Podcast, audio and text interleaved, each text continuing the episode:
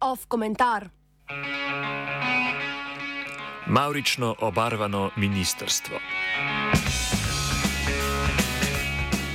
Novemu mandatarju Robertu Golobu se mudi sestavljanjem nove vlade, ki naj bi bila oblikovana do 3. junija. Nova vlada sicer predvideva tri dodatne resorje, a bo zaradi predloga stranke SDS za razpis posvetovalnega referenduma o spremembah zakona o vladi najprej delovala po že veljavnem razrezu resorja. Danes poteka zaslišanje koordinatorja stranke Levica Luke Mesca za ministra za delo, družino, socialne zadeve in enake možnosti. Mesec bo sicer s kasnejšo razširitvijo seznama resorjev zasedel mesto ministra za solidarno prihodnost. Prostor tako imenovanega ministra za področje družinskih zadev pa se bo sprostil za meščevega strankarskega kolega Simona Maljevca. Ob vsedesničarskem neodobravanju potrjenih in predlaganih ministerskih kandidatov pa so se nekateri pripadniki desne tvitosfere lotili drugačnega poskusa diskreditacije. Simon Maljevac je po njihovem mnenju zaradi istospolne usmerjenosti popolnoma neprimeren za to funkcijo. But now you make Na socialnih omrežjih se je sprva razunela debata o primernosti kandidata za ministra na področju družinskih zadev, če ta sploh nima družine. A slednje velja tudi za Luko Mesca. Večino prestrašene ljudske množice pa se je spotaknila ob dejstvo, da si maljevac družine v okviru trenutno veljavne zakonodaje na tem področju tudi ne more ustvariti. Ob žaljivih tvitih in prestrašenih komentatorjih in komentatorkah na metovrnetu, kakšne sošolce bodo imeli njihovi otroci, je vse skupaj dodatno napihnila Nova 24. Po njihovem mnenju bi sprememba družinskega zakonika, o kateri je govora v današnjem komentarju, izničila mamo in očeta, uničila definicijo družine ter podprla, odprla vrata ideologiji LGBT.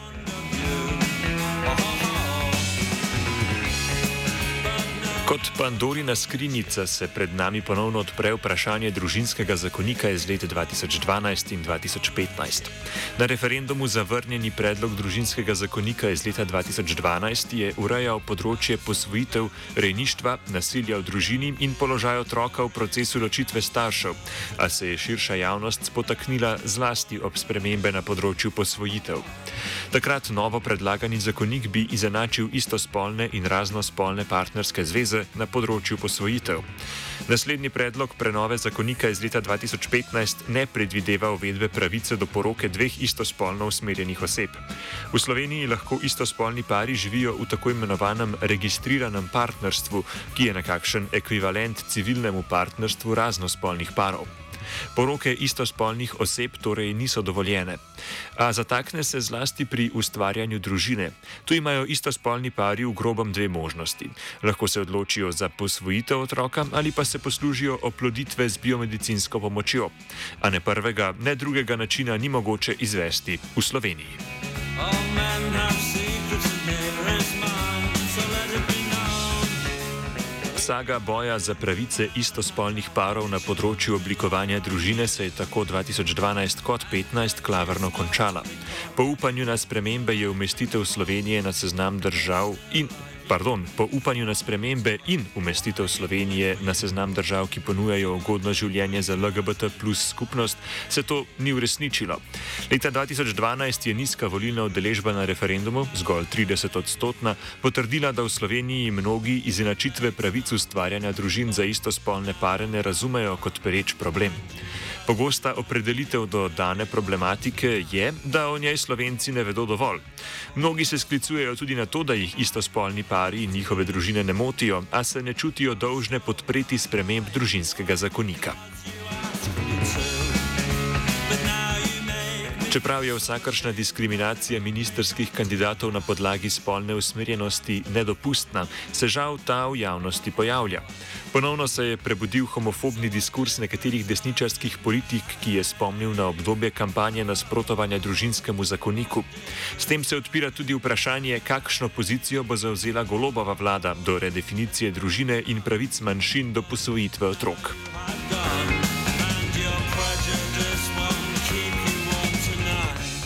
Robert Golob se javno ni želel opredeliti do izenačitve položaja istospolnih parov s položajem heteroseksualnih parov. Portal 24 ur je Golobu zastavil naslednje vprašanje: citiramo, Kdaj bodo istospolni pari v Sloveniji lahko posvojili otroka? Ste za to? Konec citata. Mandatarjev odgovor je bil vse prej kot optimističen. Dejal je, da je zgodbi lahko naklonjen, a je voljo ljudi treba preveriti z referendumom.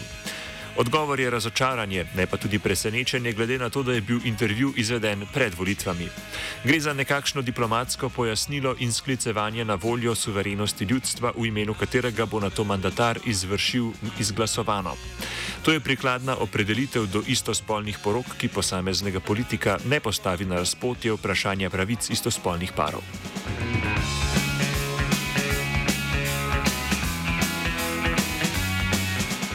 Odločitev je torej v rokah ljudi, rezultat referenduma pa se lahko skladno s tem tudi komentira. Ključno je omeniti, da bo z razpisom referenduma o življenju manjšin in njihovih pravicah odločala heteroseksualna usmerjena večina. Če izenačitev položaja istospolnih partnerjev pade, bo to razumljeno kot odraz stanja celotne slovenske družbe. Če bo volilna udeležba slaba, ljudi torej ta problematika ne zanima, Slovenija pa še ni pripravljena na spremembe. Če bo referendum prejel večinsko podporo in bo vlada uvedla izboljšanje razmer za LGBT plus manjšine, bo Robert Golob postal nekaka pride ikona. Prinesel bo spremembe, tudi če se do njih ne opredeli, saj uveljavitev novega družinskega zakonika pomeni korak naprej, ki ga ni uspelo izvesti nobeni dosedanji vladi. Stvarnost mnogih istospolnih parov se bo spremenila, golobu pa bodo vsi zlahka oprostili zgoraj navedeni odgovor v intervjuju.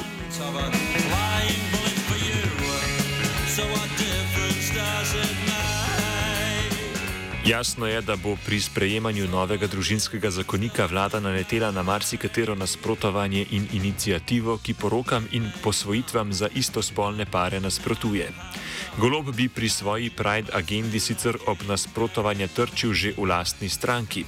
V intervjuju za mladino je naprimer Dejan Zavec, eno od novih imen državnega zbora, dejal, da podpira istospolne poroke, a je zadržan do pravice posvojitve.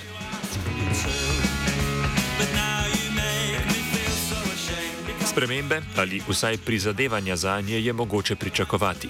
Maljevac je leta deloval kot aktivist, bil je svetovalec Mirovnega inštituta in višji svetovalec pri zagovorniku načela enakosti. Dolgo je vodil društvo Legibitra, ki se bori za pravice LGBT plus oseb v Sloveniji. Z malo predrznosti si upamo trditi, da Maljevčeva spolna usmerjenost ni zgolj intimna identiteta, ampak jo dojema tudi kot ključno gonilo v boju za pravice LGBT plus manjšin. Je torej od novega ministerskega kandidata moč pričakovati boj na področju izenačitve položaja istospolnih parov z raznospolnimi? Nekoliko zadržano lahko odgovorimo pritrdilno. Maljevac je dejal, da je bil eden od razlogov za vstop v stranko Levica prav podpora, ki jo je stranka pokazala novemu družinskemu zakoniku leta 2015.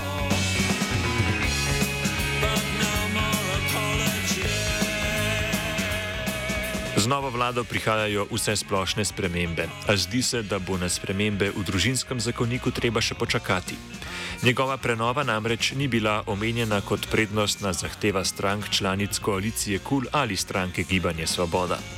Društvo Legibitra je v sodelovanju z Društvom Ljubljana Pride in glasilom Narobe pred državnozborskimi volitvami sicer pripravilo vprašanje za politične stranke v zvezi z LGBT plus skupnostjo. Na vprašanje, ali bi podprli zakonski predlog, ki bi odpravil prepoved skupne posvojitve za istospolne pare, so pritrdilno odgovorile vse tri stranke nove koalicije. Ali bo to res tako, bo pokazal čas. Pravica do poroke in posvojitev za istospolne pare pa se tako uvršča na seznam problematik, do katerih se bodo morali enotno opredeliti tako v gibanju Svoboda, kot tudi v tristrankarski koaliciji. Komentirala je Tija.